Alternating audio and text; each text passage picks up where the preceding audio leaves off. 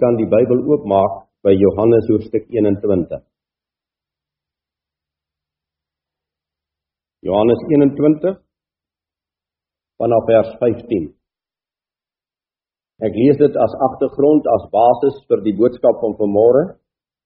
Terwyl ons nie uit die gedeelte die boodskap bring nie, maar net as 'n agtergrond luister na die opdrag van Yeshua aan Petrus. Toe hulle klaar was met die môre ete, vra Yeshua vir Simon Petrus: "Simon, seun van Jona, het jy my waarlik lief meer as hulle hier?" Hy antwoord hom: "Ja, meester. U weet dat ek u liefhet." Hy sê vir hom: "Laat my lammers wy." Hy vra hom weer die tweede maal: "Simon, seun van Jona, het jy my waarlik lief?" Hy antwoord hom: "Ja, meester, u weet dat ek u liefhet." Hy sê vir hom: "Pas my skape op." Hy vra hom die derde maal: "Simon, seun van Jona, het jy my lief?" Petrus het bedroef geword omdat hy hom die derde maal vra: "Het jy my lief?" En hy antwoord hom: "Meester, U weet alles. U weet dat ek U liefhet." Yeshua sê vir hom: "Laat my skape wy." Baie interessant as 'n mens na die Griekse taal kyk, dan word die gewone woordjie deur Petrus gebruik. As uh, Yeshua hom vra, "Het jy my agapau, dis die goddelike liefde?" Dan sê hy phileo. Dan vra Yeshua weer vir hom agapau, dan sê hy weer phileo. En die derde maal dan sluit Yeshua by hom aan, dan praat hy maar die taal van Petrus se hart maar elke keer gee hy vir hom hierdie geweldige skerp opdrag. Pas my skape op. Laat my lammers wy dis die derde aflewering van die barmhartige samaritaan en ons gaan daarmee voort. Geliefdes dit het vir ons duidelik geword dat die onbekende geslaande op die pad Israel is. Die volk van God die uitverkorenes van God in hierdie wêreld. Dit het vir ons duidelik geword dat die rowers wat aanval en wat vernietig en wat plunder en wat slaan en roof, dit is die vyande van die Godvolk op aarde. Nou bring dit ons verder by die priester en die leviet. En in Lukas 10 lees ons dan dat Yeshua dan die gelykenis voortsit en dan sê hy daarso by geval vers 31 by geval het 'n priester met daardie pad afgekom en toe hy hom sien gaan hy aan die ander kant verby. En net so ook het 'n leviet by die plek gekom en hom gesien en aan die ander kant verby gegaan. Die priester en die leviet is ook op die pad van Jerusalem na Jericho. Die priester en die leviet is ook op die lewensweg van elke dag. Daar's iets wat u moet oplet.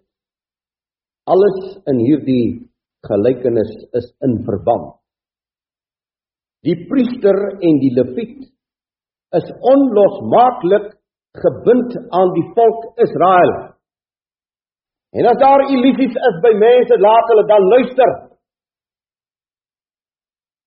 Yeshua praat van 'n priester en 'n leviet op die pad. Die priester en die leviet is nie aangestel deur God Jahwe vir die Kanaaniet of die Edomiet of wie ook al op die aarde nie. Die priester en die leviet is gekies uit die volk en is aangestel vir die volk. So dit raak al duideliker wie het langs die pad gelê. Die volk van God. En hierdie priester en hierdie leviet gebonde aan hierdie volk, ignoreer hierdie volk en stap by die volk verby. Ons kyk eers wie was die Levi? Levi was die derde seun van Jakob en Lea. Levi die woord beteken om aan te hang.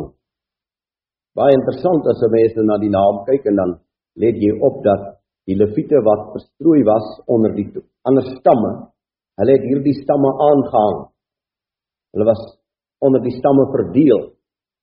En die stamme moes vir hulle sorg vir al hulle benodighede. En hulle het hierdie stamme aangehang. So sy naam is heel betekenisvol. Die stam van Levi het soos die ander stamme nie het nie soos die ander stamme grondbesit gekry nie. En Jawe kies hierdie stam Levi uit met 'n besondere taak, 'n dienswerk in die volk. Kom ons blaai net gou daar na Numeri toe. Dan kry ons net so 'n bietjie agtergrond. Numeri hoofstuk 3. Ons lees daarso vanaf vers 6. Laat die stam van Levi nader kom en stel hulle voor die priester Aaron dat hulle hom kan dien. Nou jy weet Aaron kom ook uit die stam van Levi. En hulle moet sy diens waarneem en die diens van die hele vergadering voor die tent van samekoms om die dienswerk van die tabernakel te verrig en hulle moet sorg vir al die gereedskap van die tent van samekoms en vir die diens van die kinders van Israel om die dienswerk van die tabernakel te verrig. Nou u kan maar daardie hele hoofstuk deurlees ook die hoofstuk 4 van Numeri. Uh dis baie mooi beskrywe daar wat is die dienswerk en die taak van die Levitiese stam dan gewees. As ons dan dit eenvoudig wil saamvat, sou ons sê dat die Lewiete al die dienswerk tot eer van Jawe onder die volk moes doen. Hierdie stam het dus 'n besondere posisie beklee in die volk Israel. En die feit dat die Lewiet verbystap wys daarop dat die Lewiet binne sy dienswerk en sy roeping in die volk van God gevoelloos geword het. Hy het sy roeping en sy taak versaak. Hy het ook sy naam daardeur verloor. En wie is die priester? Hulle is gekies uit die Lewiete stam met 'n besondere posisie in die volk. Hulle taak was om die dienswerk te doen by die altaar. Hulle het nou nog so 'n bietjie nader beweeg aan aan die godswerk. Hulle was rondom die altaar, al die offerandes moes hulle hanteer. Hulle moes die feeste hanteer. Hulle moes regspraak lewer en seën en straf aankondig. Geweldige roeping. Want hulle het in direkte diens van God Jahwe gestaan. In die algemene taal was hulle dus die herders en die leraars wat moes omsien na die geestelike lewe en die geestelike welsyn van die volk van God op aarde.